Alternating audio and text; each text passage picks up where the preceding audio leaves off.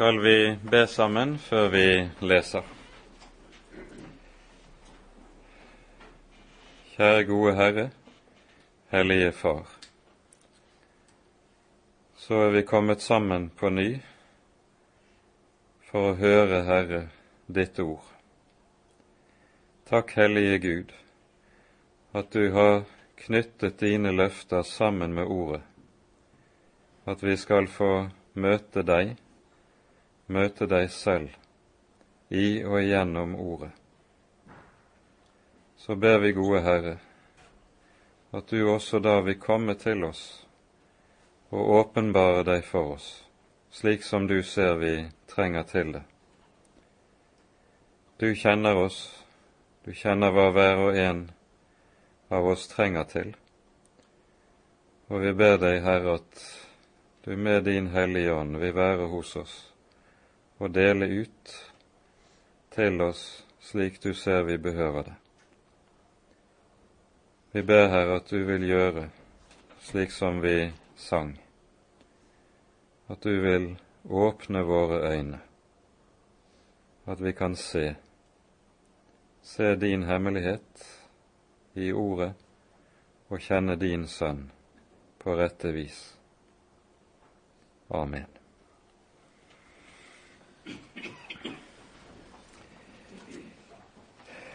Med det andre kapitlet i Romerbrevet er vi fortsatt inne i det som er den første hoveddelen, som strekker seg fra det første kapittelet i det 18. verset og frem til og med det åttende vers i det tredje kapittel. Det som kjennetegner dette avsnittet, er at Paulus her tegner opp for oss bakgrunnen for det evangelium som så forkynnes for oss, evangeliet om rettferdiggjørelsen av tro, som er romerbrevets hovedtema. Og når vi hører apostelen tale som han gjør i dette første hovedavsnittet, så er det for å gi en negativ begrunnelse for at mennesket frel skal frelses ved tro, den rettferdighet som vi får tilregnet gjennom troen, fordi syndens herredømme råder det er absolutt over alle mennesker. Og dette syndens herredømme, det gjelder uavhengig av om en er lever i hedenskapet og altså ikke kjenner Guds ord, kjenner frelsesåpenbaringen, eller om en har frelsesåpenbaringen slik som det jødiske folk har det. Andre halvdelen av kapittel 1 taler nettopp om hedenskapet, hedningenes forhold, som de der er uten loven, og som med det er underlagt syndens herredømme. Og Når vi nå kommer over i kapittel to, så taler apostelen om det jødiske folk, og for så vidt med det om alle som ellers kjenner Guds ord og har frelsesåpenbaringen. Også disse er på samme vis underlagt syndens herredømme, fordi dette herredømmet er noe som er absolutt. Og det er dette apostelen nå vil vise i det avsnittet vi nå kommer inn i, at synden også har herredømme der hvor Guds hellige lov er åpenbart og kjent.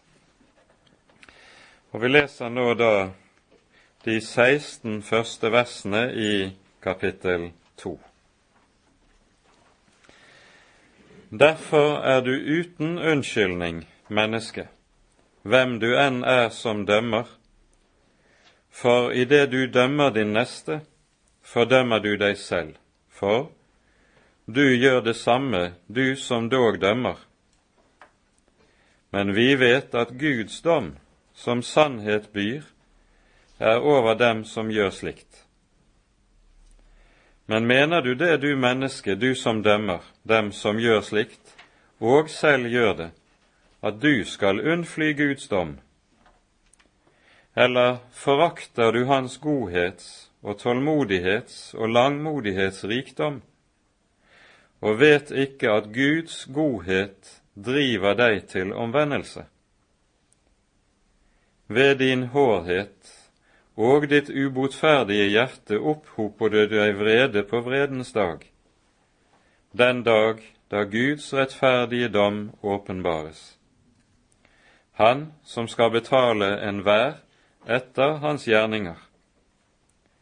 Dem som med utholdenhet i god gjerning søker herlighet og ære og uforgjengelighet, dem skal han gi evig liv men dem som er gjenstridige og ulydige mot sannheten, men lydige mot urettferdigheten, dem skal times vrede og harme. Trengsel og angst skal komme over hver, hver menneskesjel som gjør det onde, både jøde først og så greker. Men Herlighet og ære og fred skal times hver den som gjør det gode, både jøde først og så greker. For Gud gjør ikke forskjell på folk. Alle som syndet uten loven, skal også gå fortapt uten loven, og alle som syndet under loven, skal dømmes ved loven. For ikke de som hører loven, er rettferdige for Gud, men de som gjør etter loven, skal bli rettferdiggjort. For når hedningene som ikke har loven, av naturen gjør det loven byr, da er disse som dog ikke har loven, seg selv en lov. De viser at lovens gjerning er skrevet i deres hjerter, i det også deres samvittighet gir sitt vitnesbyrd, og deres tanker innbyrdes anklager eller også forsvarer dem. På den dag da Gud skal dømme det skjulte hos menneskene, etter mitt evangelium ved Jesus Kristus. Amen. Kanskje vi bare skal si som en liten parentes for det er kanskje mange som synes at sammenhengen her i versene på de siste versene vi leste, er underlig. Saken er den at her er vers 14 og vers 15 et innskudd, slik at den sammenhengende setningen da er fra vers 13 til og så over til vers 16.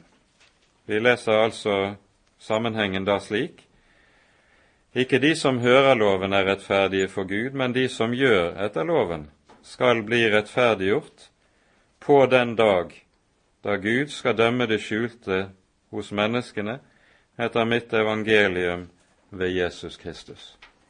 Slik ser vi sammenhengen i den setningen der. Vi kommer tilbake til det. Det som Paulus altså nå tar opp til behandling, det er først og fremst det jødiske folks forhold til ikke bare loven, men til synden.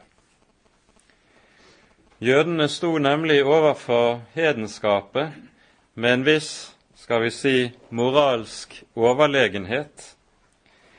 De fleste av, eller svært mange av de syndene som Paulus omtaler i det foregående kapittel, de finner vi ikke, eller fant vi ikke, i utbredt grad blant jødene. Og De roste seg da over at hos dem var ikke hedenskapets synder utbredt eller rådet. Og Derfor fant man også en utpreget grad av dom en dømmende sinn fra det jødiske folk sin side, representert ved deres religiøse lederskap, overfor hedningene. Og Det er dette altså apostelen tar utgangspunkt i her, i det første verset, når han taler om å dømme. Det er den lovfromme jøde som dømmer hedningenes synder, slik de er omtalt i det foregående kapittel. Nå skal vi imidlertid være klar over at når dette avsnittet innledes med ordet 'derfor' i det første verset, 'derfor er du', så griper dette derfor tilbake til innledningen på hele avsnittet, nemlig det som står i det 18. verset i kapittel 1. Der står det slik:" For Guds vrede åpenbares fra himmelen over all ugudelighet og urettferdighet hos mennesker som holder sannheten nede i urettferdighet. Derfor er du uten unnskyldning, hvem du enn er som dømmer, sier Paulus. Poenget er, vi talte om det sist gang, at når det her er tale om Guds vrede over synden, så sier altså Paulus ikke at Guds vrede åpenbares over all ugudelighet og urettferdighet, men den åpenbares over slikt hos de som holder sannheten nede i urettferdighet. Det er altså tale om mennesker som ikke har bøyet seg for frelsesåpenbaringen. De må svare regnskap for sin synd. De rammes av Guds vrede. Men de som har bøyet seg for Guds ord, de dømmes ikke, de rammes ikke av den vrede det her er tale om. Og Nå er poenget i det som Paulus her taler om, i, fra vers 2 av, at ikke bare er det hedningene som holder sannheten nede i urettferdighet. De har ikke bøyet seg for det lys, den åpenbaring de har, nemlig den naturlige åpenbaring. Men så gjelder det samme også om det jødiske folk. De holder også sannheten nede i urettferdighet, men på en annen måte. Og det er det Paulus nå etterviser i det avsnittet som vi her går inn i. Og så taler han om det å dømme. Derfor er du uten unnskyldning, menneske, hvem du enn er som dømmer. Vi husker Jesu ord om samme sak i bergpreken.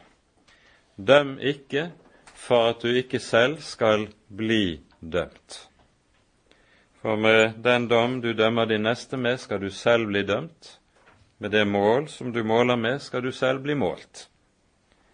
Hvorfor ser du flisen i din brors øye, men bjelken i ditt eget øye blir du ikke var.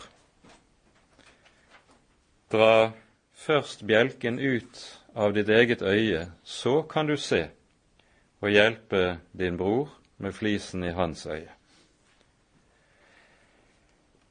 Hva er det å dømme?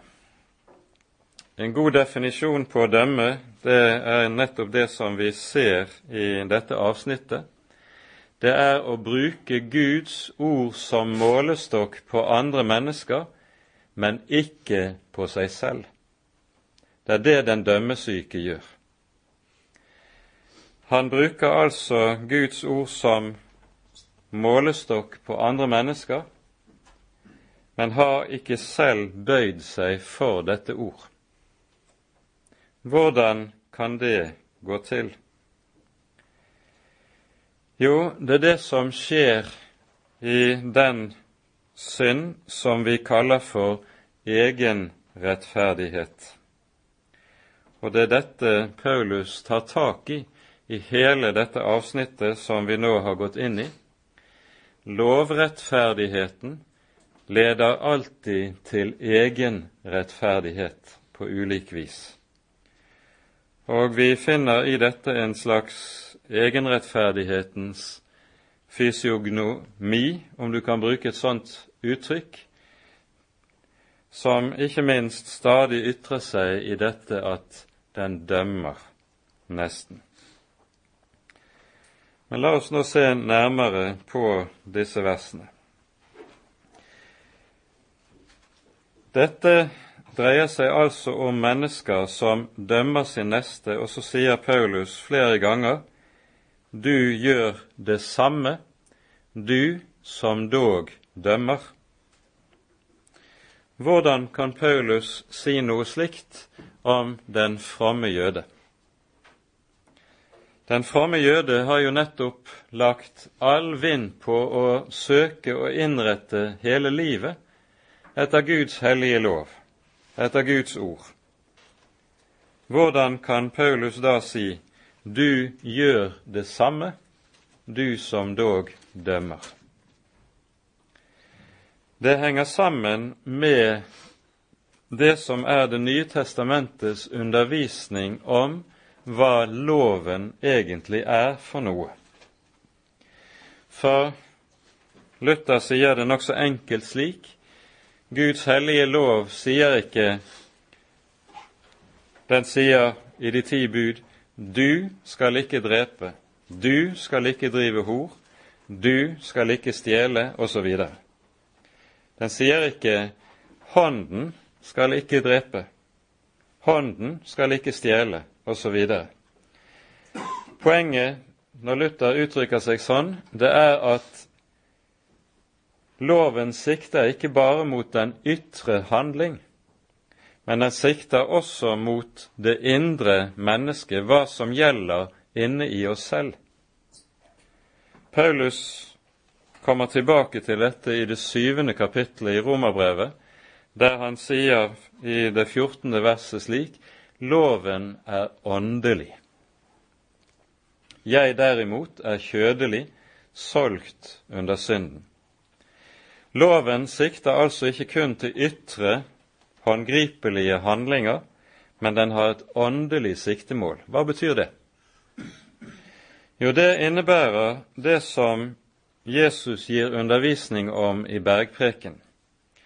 Når vi hører han først sier i det femte kapittel i Bergpreken, dersom ikke deres rettferdighet overgår fariseernes og de skriftlærdes rettferdighet, da kommer dere ingenlunde inn i himlenes rike. Og så kommer etterpå dette det som teologene gjerne kaller for antitesene. Det betyr Jesus sier 'Dere har hørt det er sagt, men jeg sier dere. Og så hører vi Jesus der utlegge Guds hellige lov. Og Det han gjør, det er nettopp at han viser hva som er lovens åndelige mening og betydning. Nemlig at loven ikke bare sikter mot en ytre rettskaffenhet, at jeg skal leve som et skikkelig og ordentlig menneske, men loven går langt dypere. Den sikter mot menneskenes hjerte. For eksempel så utlegger Jesus dette i forhold til det femte bud du skal ikke slå i hjel. Men jeg sier dere, sier Jesus, vær den som kaller sin bror for en dåre, er skyldig for dommen. Og så hører vi han kommer tilbake til dette i slutten av kapittelet når han taler om fiendekjærligheten.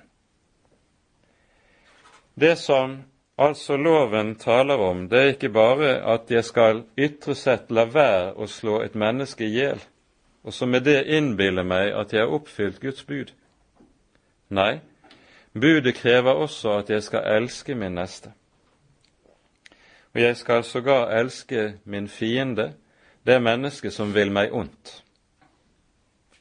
da blir det straks meget verre. For dersom jeg tar det på alvor, da skal jeg jommen få oppleve og erfare hvordan mitt eget hjerte stritter imot. Og det er såre vanskelig å håndtere sitt eget hjerte. Han går videre etterpå med å tale om det sjette budet.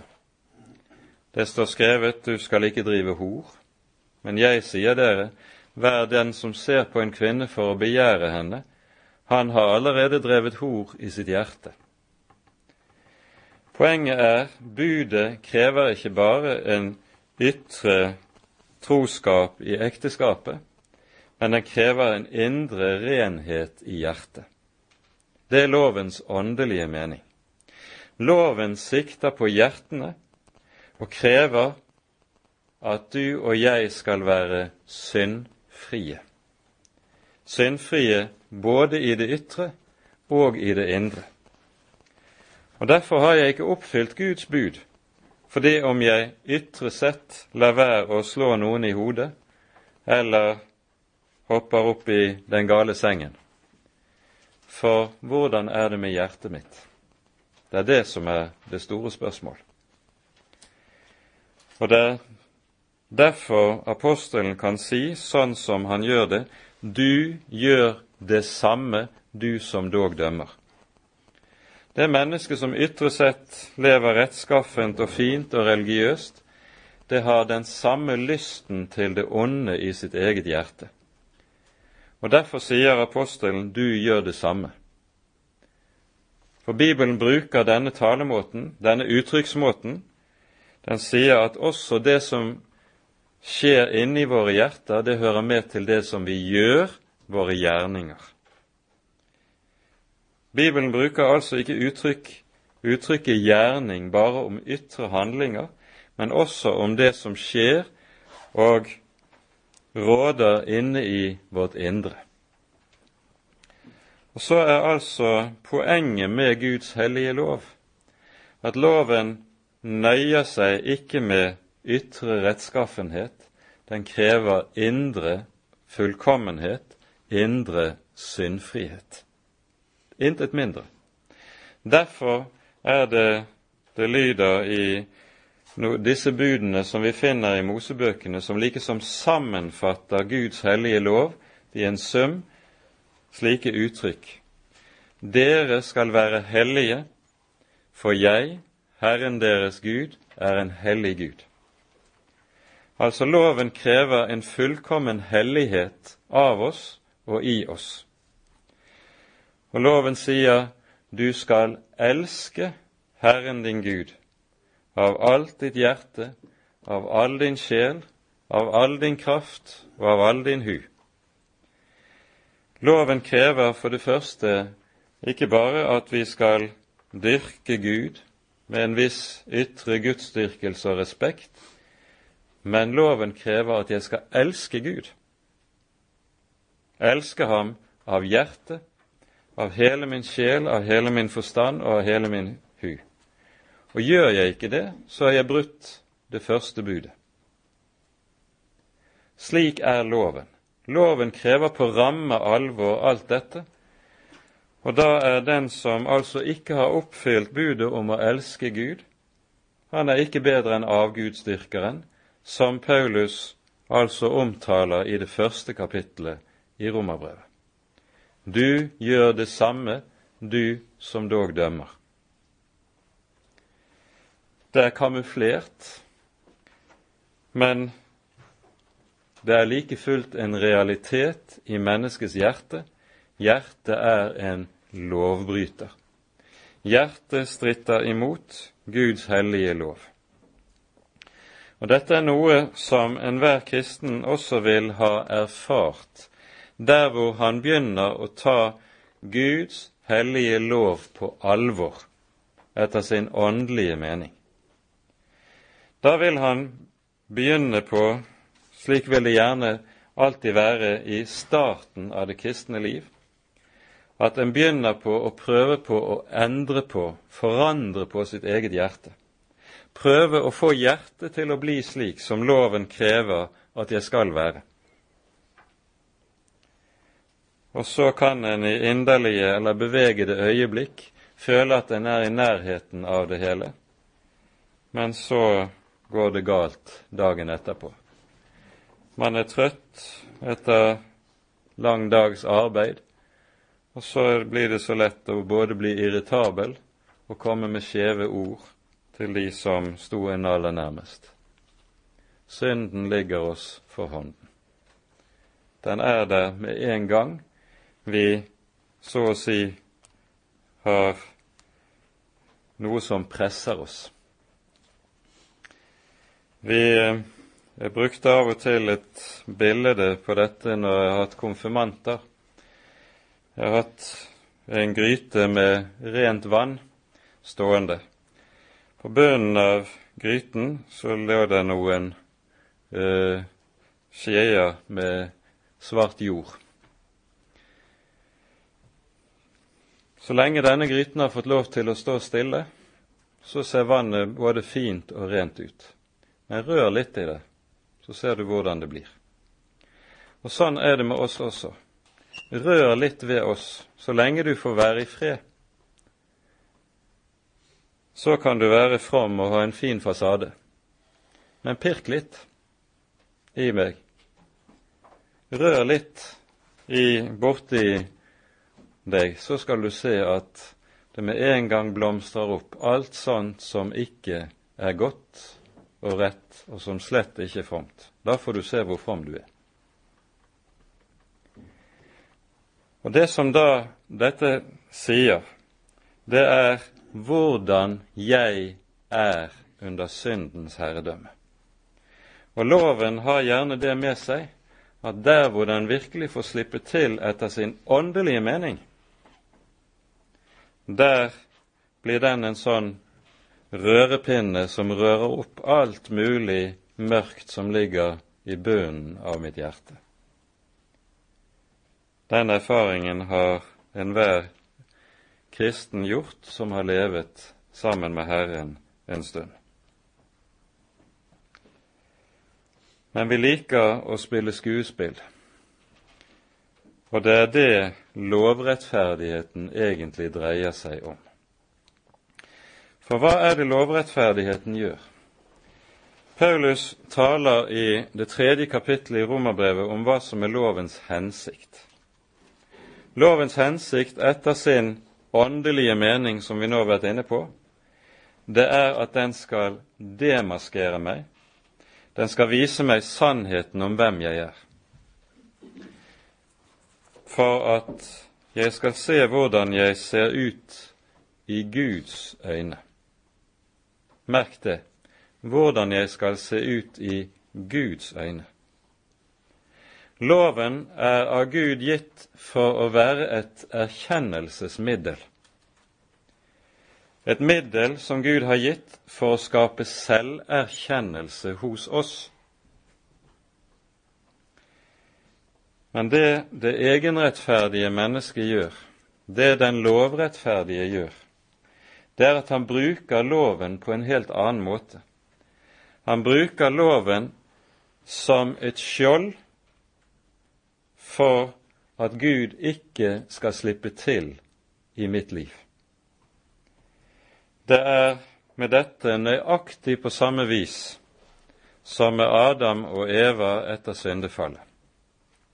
Det første de to gjør etter fallet, vi hører da ble deres øyne åpnet, og de ble var at de var nakne. Og hva gjør de så?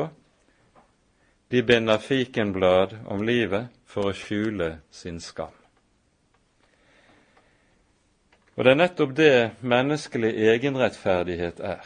Man prøver å lage seg sånne fikenblad for å skjule skammen.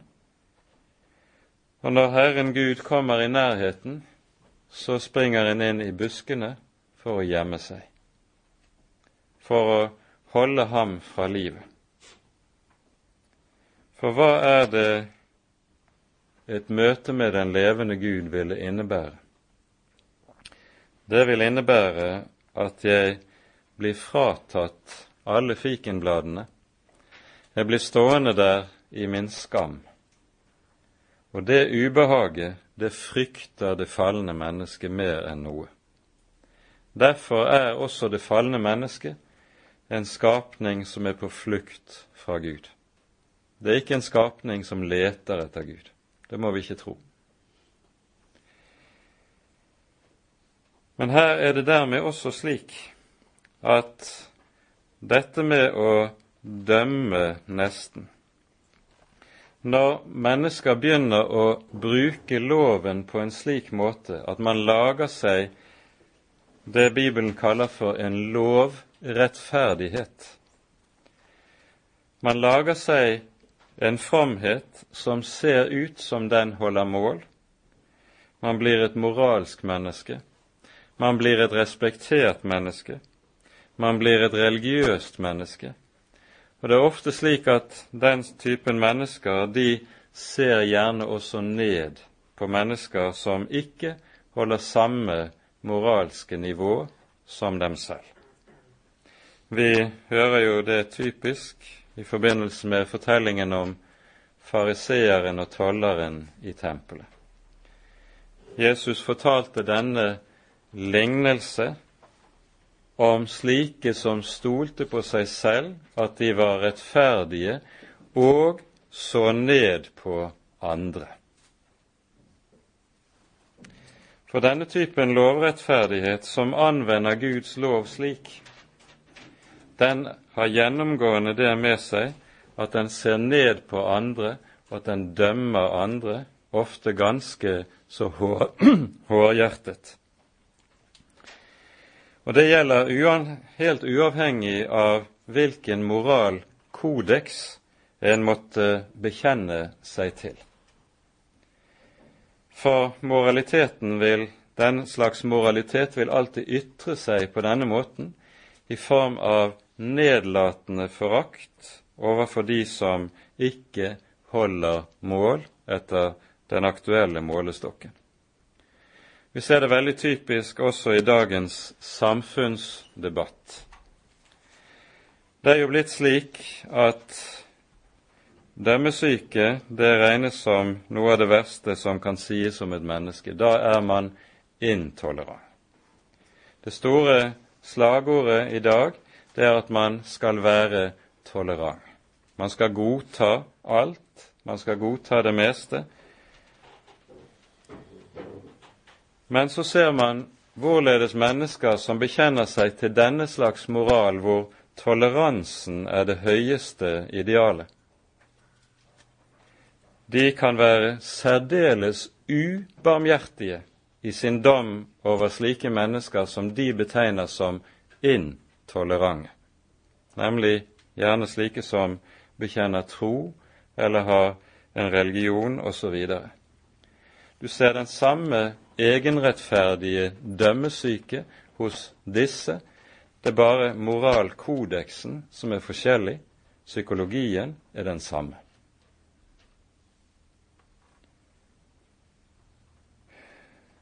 Det som her er Guds ords måte å tenke på, det er at når mennesket gir seg til med denne typen lovrettferdighet, da vil mennesket stadig bevege seg inn i en art selvbedrag. Det bedrar seg selv. Det får illusjonen om seg selv at jeg har mitt på det tørre. Og dette selvbedraget, det kan stikke meget dypt. Og det er meget vanskelig å rydde ut. For vi mennesker, vi har en ubendig trang nettopp til dette å bedra oss selv. Vi er usannferdige i forhold til oss selv. Og derfor viker vi unna når Guds lys kommer og begynner å ransake oss. Vi viker unna ubehaget ved dette. Og det bibelske i dette her, det er jo at Paulus skriver dersom vi dømte oss selv, da ble vi ikke dømt. En kristen han skal øve seg på å bruke Guds hellige ord og Guds hellige lov som målestokk på sitt eget hjerte, på sitt eget liv, på alle områder, og være meget mer flittig med det enn i å bruke ordet som målestokk på andre mennesker. Jeg har nok med meg selv. Dersom vi dømte oss selv da ble vi ikke dømt, sier apostelen i 1. Korinterbrev 11. Og dette er en meget sunn leveregel som kan bevare fra meget selvbedrag. Det er noe av dette som apostelen altså er inne på når han taler om det å dømme. Og så fortsetter det ifra vers 3. Men mener du det, du menneske, du som dømmer dem som gjør slikt, og selv gjør det, at du skal unnfly Guds dom? Eller forakter du Hans godhets og tålmodighets og langmodighets rikdom, og vet ikke at Guds godhet driver deg til omvendelse. Her er det slik, og dette er en del av syndens psykologi, tror vi har lov til å si, som vi kan høre det i Predikerens bok i det åttende kapittelet. Her står det sånn fra vers 11 og 12. Fordi dommen over den onde gjerning ikke fullbyrdes straks. Derfor svulmer hjertet i menneskenes barn, så de drister seg til å gjøre det som ondt er.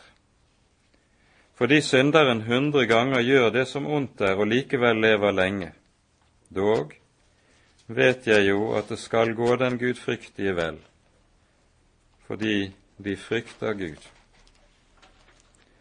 Dette er en beskrivelse av det å forakte Guds godhet og langmodighet. Guds langmodighet viser seg i det at Gud ikke umiddelbart griper inn til dom over menneskets sinn. Og så begynner mennesket å tenke at det er i grunnen ikke så farlig. Jeg kan gjøre det som er i strid med Guds vilje, det har så likevel ingen konsekvenser. En begynner å tenke at det at det ikke skjer noe når jeg gjør det onde, det betyr at Gud ikke tar det så nøye. Og så tar en dette til inntekt for at en kan fortsette slik som en har lagt kursen. En tar det til inntekt for at en mener Gud er i grunnen ikke så forskjellig som fra meg. Han mener i grunnen sånn som jeg, og ser gjennom fingrene med det aller meste. Dermed er vi inne på en annen sak som hører egenrettferdigheten til, eller lovrettferdigheten til. All lovrettferdighet henger dypest sett sammen med at en går på akkord med Guds hellige lov. En skjærer bort det som pass, ikke passer en, det som ganske særlig da har med lovens åndelige mening å gjøre, for at en kan lage seg en utgave av Guds hellige lov som er overkommelig, som jeg kan klare. Og dermed er det ingen anklage over meg lenger. Denne måten å gå på akkord med Guds hellige lov, det er et av de mest grunnleggende kjennetegnene nettopp ved egenrettferdigheten. Og det er noe av det som Herren også har aller vanskeligst for å trenge igjennom. For det er her vi ser det komme til syne som vi var inne på i forbindelse med det første kapittels 18. vers. En holder sannheten nede i urettferdighet. En lar ikke Guds ord få lov til å stå der og gjelde slik som det står, for en passer det til etter hva som måtte høve for min del. Det er det som ligger bak det apostelen her taler om ved din hårhet og ditt ubotferdige hjerte. En bøyer seg ikke for Guds frelsesåpenbaring, og så er det altså slik at en holder sannheten nede i urettferdighet. Egenrettferdigheten har sin egen dynamikk, Og vi skal være klar over at slik som Det nye testamentet, og her står Jesus og Paulus sammen som ett. Slik de lærer, så er det sånn at det er ingenting som er så farlig for menneskene som nettopp egenrettferdighet. Det er ikke først og fremst synden som hindrer mennesker fra å bli frelst. Det er alltid egenrettferdigheten som er det største hinderet Herren må overvinne for at mennesker skal bli frelst. Derfor er det Jesus sier radikalt og anstøtelig, som han gjorde det til sin tids religiøse ledere. Tollere og skjøger kommer før inn i Guds rike enn dere. De som var sin samtids mest respekterte idealister, får høre dette. Ja, det er et voldsomt anstøt. For saken er nettopp dette.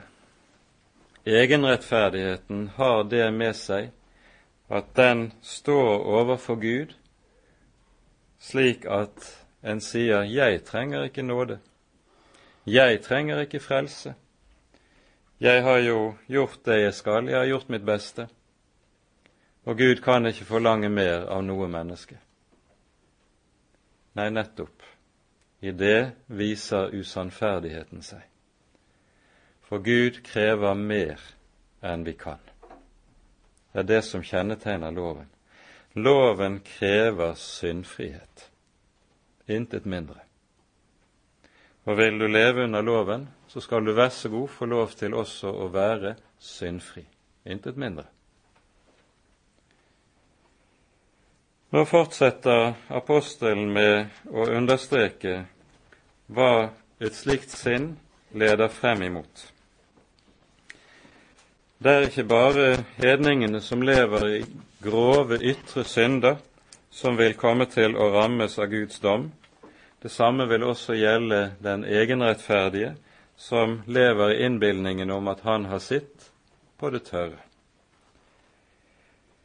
Vi hører fra vers 6 av og utover han skal betale enhver etter hans gjerning. Dem som med utholdenhet i god gjerning søker herlighet og ære og uforgjengelighet, skal han gi evig liv. Men dem som er gjenstridige og ulydige mot sannheten, men lydige mot urettferdigheten, dem skal times vrede og harme. Her møter vi noe som kan synes som et paradoks, ikke minst i denne tekstsammenhengen. Her har Paulus radikalt avvist lovrettferdigheten, egenrettferdigheten etter loven, og så begynner han å tale om at enhver skal dømmes etter sine gjerninger. Hvordan kan det være mulig? Men her hører vi noe som er en grunnsannhet i vår bibel. For om Bibelen lærer oss meget tydelig og klart at vi blir frelst av nåde, uten lovgjerninger, så lærer Bibelen samtidig like tydelig og klart at vi skal dømmes på den siste store dag på grunnlag av gjerninger. Dette synes som nesten å være selvmotsigende. Men poenget, slik som Bibelen taler om dette, er at gjerningene spiller en ganske bestemt rolle når det gjelder troens liv. De spiller den samme rolle som vitnene spiller i en rettssak. De forteller hva som er faktum, hva som har skjedd. Gjerningene de forteller hva det er som ligger i hjertet. Den som lever troens liv, hos ham vil dette uvilkårlig og uvegerlig komme til å gjøre seg gjeldende også i det ytre. Og den som ikke lever troens liv, for ham vil det også ha uvegerlig ha sine konsekvenser i det ytre. Og Derfor ser vi hvorledes Jesus, når han taler om den siste store dom, slik som vi hører om det i Matteus 25, så taler han nettopp om dom etter gjerninger.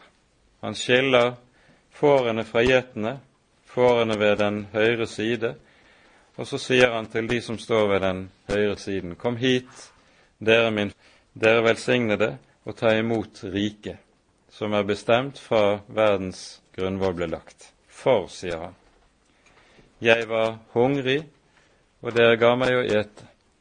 Jeg var syk, dere slår til meg, videre.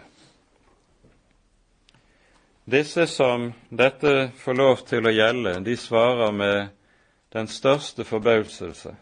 Herre, når så vi deg hungrig, eller tørst, eller naken, eller i fengsel, osv., og, og hjalp deg?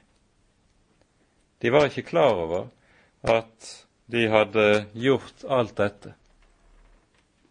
Mens motsatt, de som står på den andre siden og får høre jeg var hungrig, og dere ga meg ikke å ete, osv.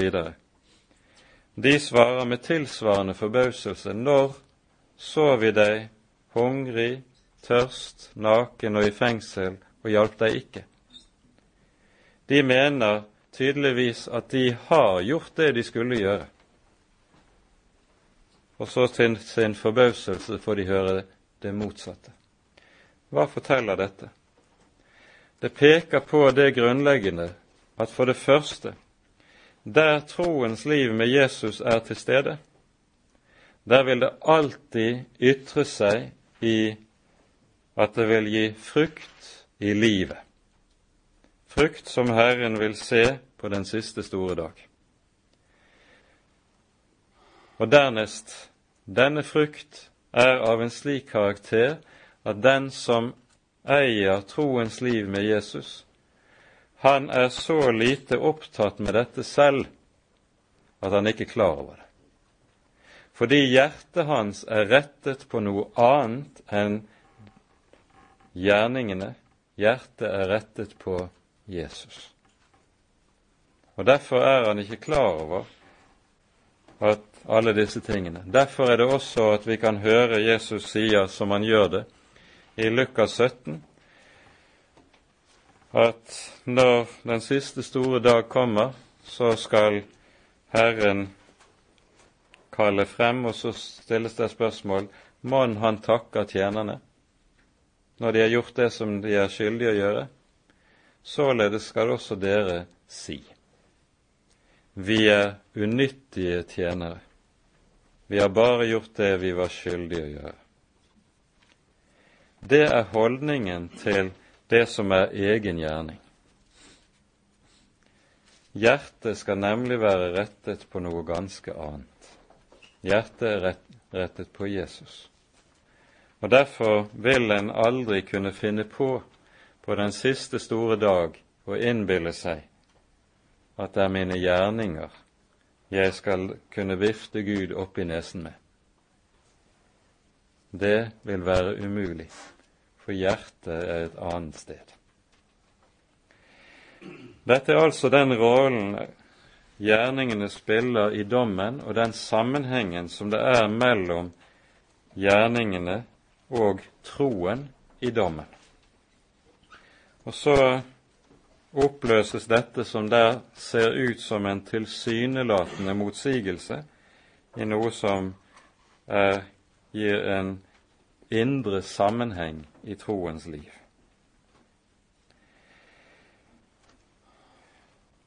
Innskuddet som vi møtte i det 14. og 15. verset, må vi også si et par ord om. Når hedningene som ikke har loven av naturen, gjør det loven byr, da er disse som dog ikke har loven, seg selv en lov. De viser at lovens gjerning er skrevet i deres hjerter, i det også deres samvittighet gir sitt vitnesbyrd, og deres tanker innbyrdes anklager og også forsvarer dem. Dette hører sammen med det som vi gjerne kaller for en del av den naturlige åpenbaring. Vi har også hørt om det i det første kapittelet i Romerbrevet, der det taler om hvorledes skaperverket vitner om Skaperen. Om Skaperens allmakt, om hans visdom, hans storhet og om hans herlighet. Skaperverket vitner om at det er en Gud, at det er en skaper, og dette er noe som ethvert menneske kan vite og forstå gjennom å iaktta skaperverket.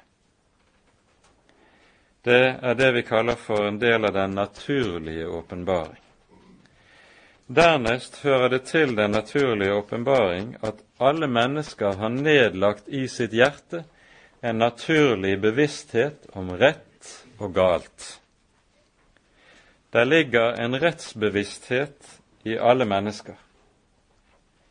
Og denne rettsbevisstheten den ligger der helt uavhengig av om mennesker bryter Guds hellige lov eller ei. Du kan ta en tyv, f.eks. Han bryr seg ikke det aller minste om det syvende bud. Han beriker seg på sin nestes bekostning uten det minste samvittighetskvaler. Men stjel fra tyven. Da skal du se at reaksjonen kommer. Da vil han mene at det er den groveste urett han er utsatt for når noen stjeler fra ham. Og slik er det i forhold til alle budene. Der ligger en rettsbevissthet nedlagt i oss som alltid på en eller annen måte reagerer og viser seg i forhold til når budene brytes. Det er nedlagt i oss fra skapelsen av. Nå er det slik at samvittigheten den er ingen ufeilbarlig veileder i spørsmålet om rett og galt. Det er det langt ifra, fordi syndefallet jo har gjort noe med menneskets hjerte.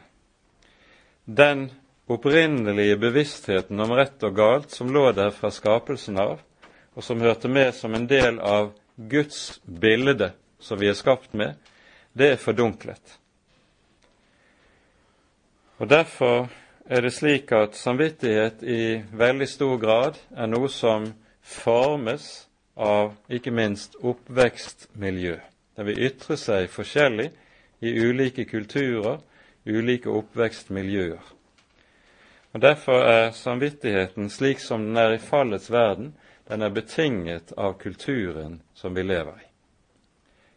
Dermed er samvittigheten ingen ufeilbarlig rettesnor i rett og galt. Samvittigheten kan dras i mange forskjellige slags retninger, og det ser vi også skje. Når samvittigheten er en rett samvittighet i kristelig forstand, så er det en samvittighet som er bundet av Guds ord. Det er Guds ord når det får råde over samvittigheten, da kan du tale om en rett samvittighet som veileder i tråd med det som er Guds vilje. Derfor skal vi være klar over at når Luther f.eks. står i og avlegger sin bekjennelse på riksdagen i Worms og taler om hvorledes han er fanget i Guds ord og sier når det kreves du må kalle tilbake. Han skal kalle tilbake sin lære og det han har skrevet i sine bøker. Så sier han det er ikke tilrådelig å handle imot sin samvittighet. Og det er virkelig sant. Men da taler han ikke om samvittigheten i allmenn forstand, men han taler nettopp om en samvittighet som er bundet i Guds ord som er tatt til fange av Guds hellige ord. Og Det er det som kjennetegner det kristne menneskes samvittighet. Den er tatt til fange av Herrens ord. Slik at det er Herrens ord som er veilederen for i alle ting. Dette ser vi også i, hvis vi legger merke til ordlyden her i det 15. verset. Det står de viser, altså han taler om hedningene, de viser at lovens gjerning er skrevet i deres hjerter. Legg merke til det står ikke at loven er skrevet i deres hjerter, men det står at lovens gjerning er skrevet i deres hjerter. På det er det en forskjell. Når det står at lovens gjerning er skrevet i deres hjerter, så handler det om, for det første, det vi har talt om, at det er en naturlig bevissthet om rett og galt hos alle mennesker. Men for det andre det som reformatorene kaller for lovens mening, og som handler om det at mennesket ut fra sine naturlige forutsetninger alltid tenker slik når det har med Gud å gjøre, at når Gud skal dømme meg, så kommer det an på mine gjerninger. Det er lovens gjerning som er skrevet i menneskets hjerter. Det er en loviskhet som ligger til grunnen av det falne mennesket sin bevissthet, sin gudsbevissthet, som gjør at det alltid, når det har med Gud å gjøre, så tenker det lovisk. Og det er noe av det som Gud har kanskje aller størst vansker med når han skal inn til oss, når vi når et menneske fødes på ny og kommer til tro, så er det det å overvinne lovsinnet som ligger i oss, ligger i vår falne natur. Lovens gjerning ble innskrevet i menneskets hjerte. Bibelen taler om at loven også kan innskrives i et menneskes hjerte. Det skjer når et menneske blir født på ny. Dette taler ikke minst profetene i Det gamle testamentet meget tydelig om. Hos Esekiel og hos Jeremia sies det, sier Herren om den tid når frelsen kommer. Da sies det jeg vil skrive min lov i deres hjerter. Det er det som skjer ved den nye fødsel når et menneske blir et Guds barn. Da blir loven innskrevet i hjertet. Og Det fører til, når det gjelder det gjenfødte mennesket, at det å leve etter Guds bud og etter Guds hellige lov det er noe som blir en hjertetrang for et menneske. Det er en hjertetrang for en kristen å leve etter Guds ord og etter Guds lov. Det er ikke noe som bare pålegges ham utenfra som en ytre tvang. Langt derifra. Det er en indre drift til dette. Han har lyst til å leve etter Herrens vilje. Det er et behov for ham å gjøre det. Og nettopp dette er noe av det sterkeste vitnesbyrd om den nye fødsel når det skjer i et menneskes liv. Loven skrives inn i menneskets hjerte. Og Det er altså noe ganske annet enn det som vi her hører i det 15. verset, at lovens gjerning, altså loviskheten, ligger i det naturlige menneskets hjerte. Det er to forskjellige ting, vi må ikke blande sammen det. Nå slutter avsnittet som vi hørte det, med denne sammenhengen som vi har mellom vers 13 og vers 16. Ikke de som hører loven er rettferdige for Gud, men de som gjør etter loven skal bli rettferdiggjort. Ja, det lærer Guds hellige lov meget tydelig. Gjør det, så skal du leve. Men det er vilkåret. Du skal gjøre det, og du må gjøre det fullt ut. 99% holder ikke. Men gjør du det, da skal du leve. Og Bibelen lærer oss jo tydelig det er bare ett menneske som har gjort dette fullt ut, og derfor lever. Det er Guds egen sønn. Men den som gjør etter loven, skal bli rettferdiggjort, står det, på den dag da Gud skal dømme det skjulte hos menneskene, etter mitt evangelium ved Jesus Kristus. Og Legg merke til her hvorledes apostelen nå taler om den siste store dom. Det som er det grunnleggende i Guds dom, det er nettopp evangeliet om Jesus Kristus.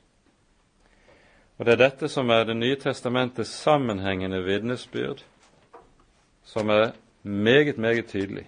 I Johannes 3 leser vi slik.: Den som har Sønnen, den som tror på Sønnen, har livet. Den som ikke vil tro på Guds sønn, over ham blir Guds vrede. Og i første Johannes brev den som har Sønnen, har evig liv. Den som ikke har Sønnen, har ikke livet. Det er dette store og meget klare enten-eller. Gud skal dømme det skjulte hos mennesket etter mitt evangelium om Jesus Kristus. Når det taler om at det er det skjulte hos mennesket som skal dømmes, så innebærer det altså at det taler om det enkelte menneskets hjerteforhold til Jesus. Det enkelte menneskets hjerteforhold til dette bestemte evangelium.